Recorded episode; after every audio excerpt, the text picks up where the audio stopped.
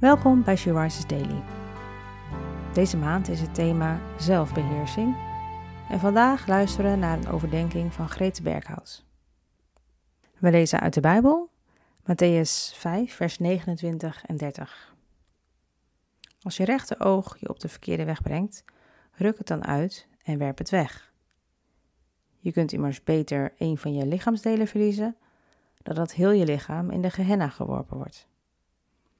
En als je rechterhand je op de verkeerde weg brengt, hak hem dan af en werp hem weg. Je kunt immers beter een van je lichaamsdelen verliezen dan dat heel je lichaam naar de gehenna gaat.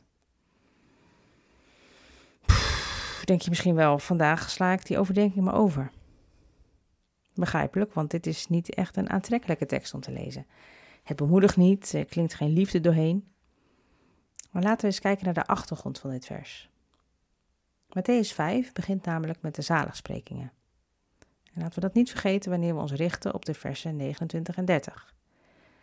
Er is altijd hoop en genade te vinden in Gods woord. Vanaf vers 21 begint Jezus lessen mee te geven met betrekking tot de wet. De zonden die wij als mensen doen, hebben consequenties. En vervolgens noemt hij uh, de overspel als zonde. Niet alleen de daad van overspel plegen benoemt Jezus als zonde, maar alleen al het begeren van de man-vrouw waar je niet mee samen bent is een zonde. Het begeren begint bij het zien.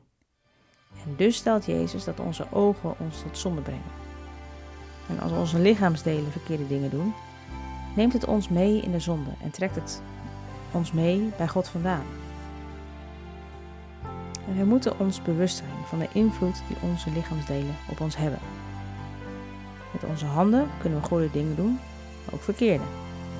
Met onze mond kunnen we goede dingen doen, spreken, maar ook verkeerde dingen. Dus laten we samen bidden. Lieve Vader, behoed u mij en mijn lichaam alstublieft voor het doen van verkeerde dingen. En mag ik mijn lichaam gebruiken voor uw eer. Amen. Je luistert naar een podcast van She Rises.